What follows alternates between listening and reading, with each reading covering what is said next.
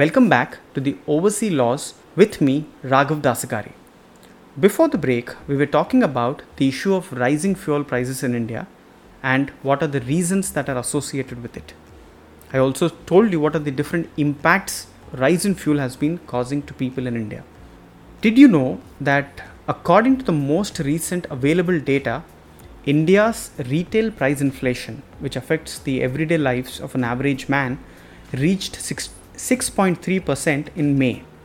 This is half a percent greater than the Reserve Bank of India's 6% requirement. The Reserve Bank of India will be unable to reduce key interest rates as long as inflation remains high. This would prevent industrial and personal loans from becoming more affordable, which is critical at a point when the pandemic is wreaking havoc and the, on the India's consumption rate like never before. In India, jobs, wages, and household income are all being systematically eroded. Our society's middle class and those on the periphery are struggling. Hyperinflation and an unprecedented surge in the price of practically all household items and vital commodities have exacerbated these problems.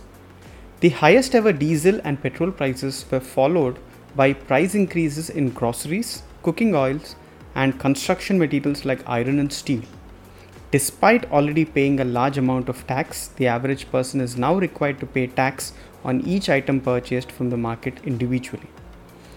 It has, it has also been reported in the media that in order to obtain cheaper fuel, some people from Bihar cross the border to smuggle petrol from Nepal, and many are walking extra miles to buy cheaper fuels. While businesses were rewarded with tax breaks and other forms of cash assistance during the lockdown, ordinary people had to suffer with the price increases in the mustard oil, vegetable oils, refined oils, cereals, pulses, etc. Essential commodities that contribute to the food basket have seen a recent increase ranging from 10% to 30%. Ultimately, the middle class and the people belonging to the lower income group will be pushed towards tougher days. What are the steps taken by the government? The central government is working towards finding alternative ways to reduce the cost of fuel. The government introduced the national policy on biofuels in the year 2018 with this policy, it aimed to achieve energy security of India with an objective to reduce dependency on imports. However, many economists are of the view that alternative fuels will take time to implement. There is way forward that is required by the government to encourage the use of electric vehicles. Subsidies for the same should be increased.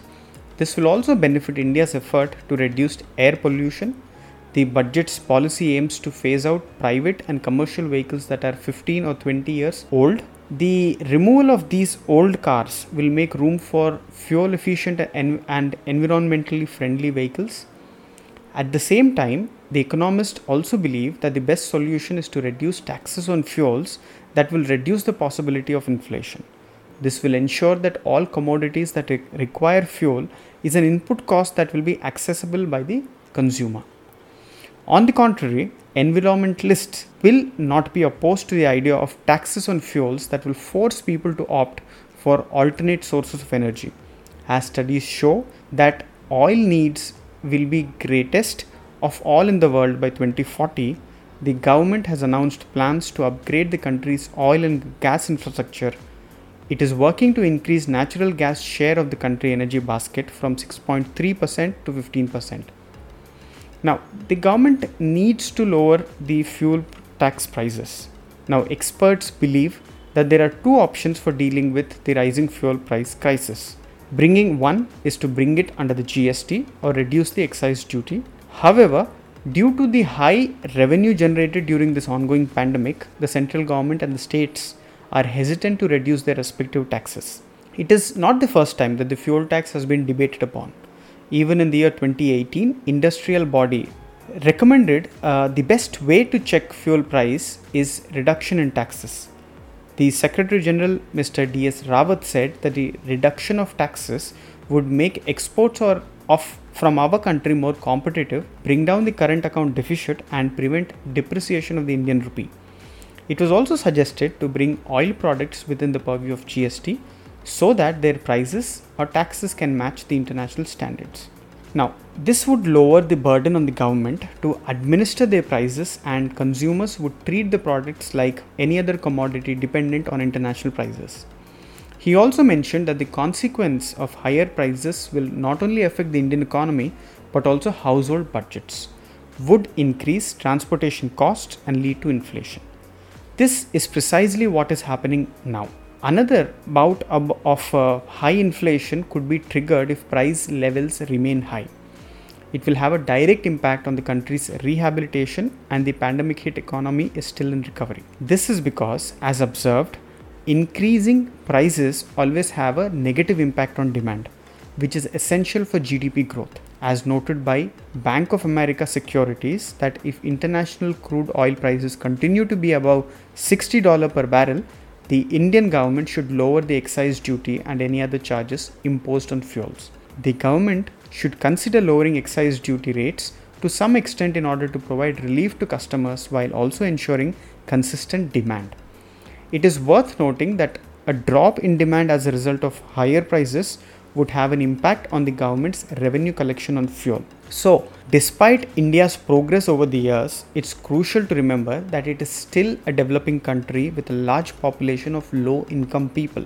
India, on the other hand, has one of the world's highest rates of petrol and diesel taxes. Various taxes account for over 60% of the price of petrol in India, while they accounted for 54% of the price of diesel. It is extremely high for a country with relatively low per capita income. Higher fuel prices, particularly diesel, would eventually affect the country's population, who will be forced to pay more for practically all commodities and goods. Now, let's have a look at the world scenario. Now, if one compares with the other countries, the taxes account for about 60% of the fuel prices in India. Now, that can be compared to both uh, in Germany and Italy, the taxes account to 65 to 62 percent, while looking at Japan, it's around 45 percent, and in the case of the United States, it's at 20 percent. Now, a big number of uh, voters and opposition party leaders have pushed the central government to grant tax relief on fuel prices. Indeed, Finance Minister Mrs. Nirmala Sitharaman recently stated that the central government and states should work together to reduce petrol prices.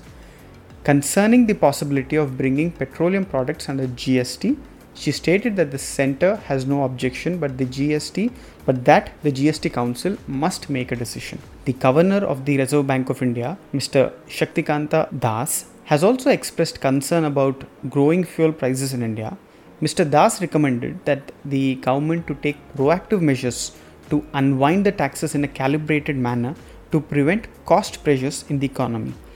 Higher taxes on fuel leads to unhealthy fiscal reliance on petroleum goods. Petrol and diesel have been easy targets for the government to increase the money. Until public transportation based on renewable energy is developed, increasing fuel prices through higher excise will only enhance the government's revenue, leaving the consumers vulnerable without providing a long term solution access to alternative energy sources must be made easier in order to save huge sums of money in imported fuel, avoid a surge in the trade deficit, and for protection against oil price shocks. Now, moving to the concluding uh, comments of this particular show. Now, if, if one has to see the larger picture, you know, to come out of from, from the present catch 22 situation for India, we need to look at some of these suggestions. That is, we have to become less dependent on oil based revenues and to bring in a drastic change in our nation's energy profile, improve our energy security, and reduce our oil imports. Some prominent studies say that India's oil needs will be more than any other country by the year 2040 unless we switch to the alternative sources. And how can this be achieved? Well, by giving direct incentive to increase the acceptance of renewable energy sources the Union government had announced initiatives to increase the share of natural gas in the country's energy basket from 6.3% to 15%. While the government's policy on electric vehicles is encouraging more sustained efforts to set up EV charging infrastructure across the length and breadth of the country is needed. Especially as India builds newer highways, these can be built as part of the infrastructure. The governments have to lead by example by moving to use renewable sources of energy not only in their physical infrastructure space but also in their transport, transportation utilization as well as public transport. Another policy that would add value to the energy policy is the voluntary vehicle scrappage policy. This aims to phase out private and commercial vehicles that are more than 15 or 20 years old and in turn reduce fuel inefficiency and consequently reduce fuel usage. Saving monies on imported fuel will bring any shocking increase in the trade deficit. So, going green won't just be a buzzword, it would be a larger economic benefit which could translate into governments utilizing increased funding for better citizenry outcomes. Some suggestions made by me today are inspired from various articles and interviews of renowned experts. Thank you for joining me. This is Raghav Dasagari on Overseas Laws only on Radio Nyra, Raleigh, Durham. Broadcast on three frequencies 99.9 FM HD4, 101.9 FM, and 1490 AM. If you have any questions or suggestions, you may WhatsApp me at 919-294-4800. I repeat, 919-294-4800. Catch me on every Sunday evenings only on Radio Nyra, Raleigh, Durham. Until next time, stay safe.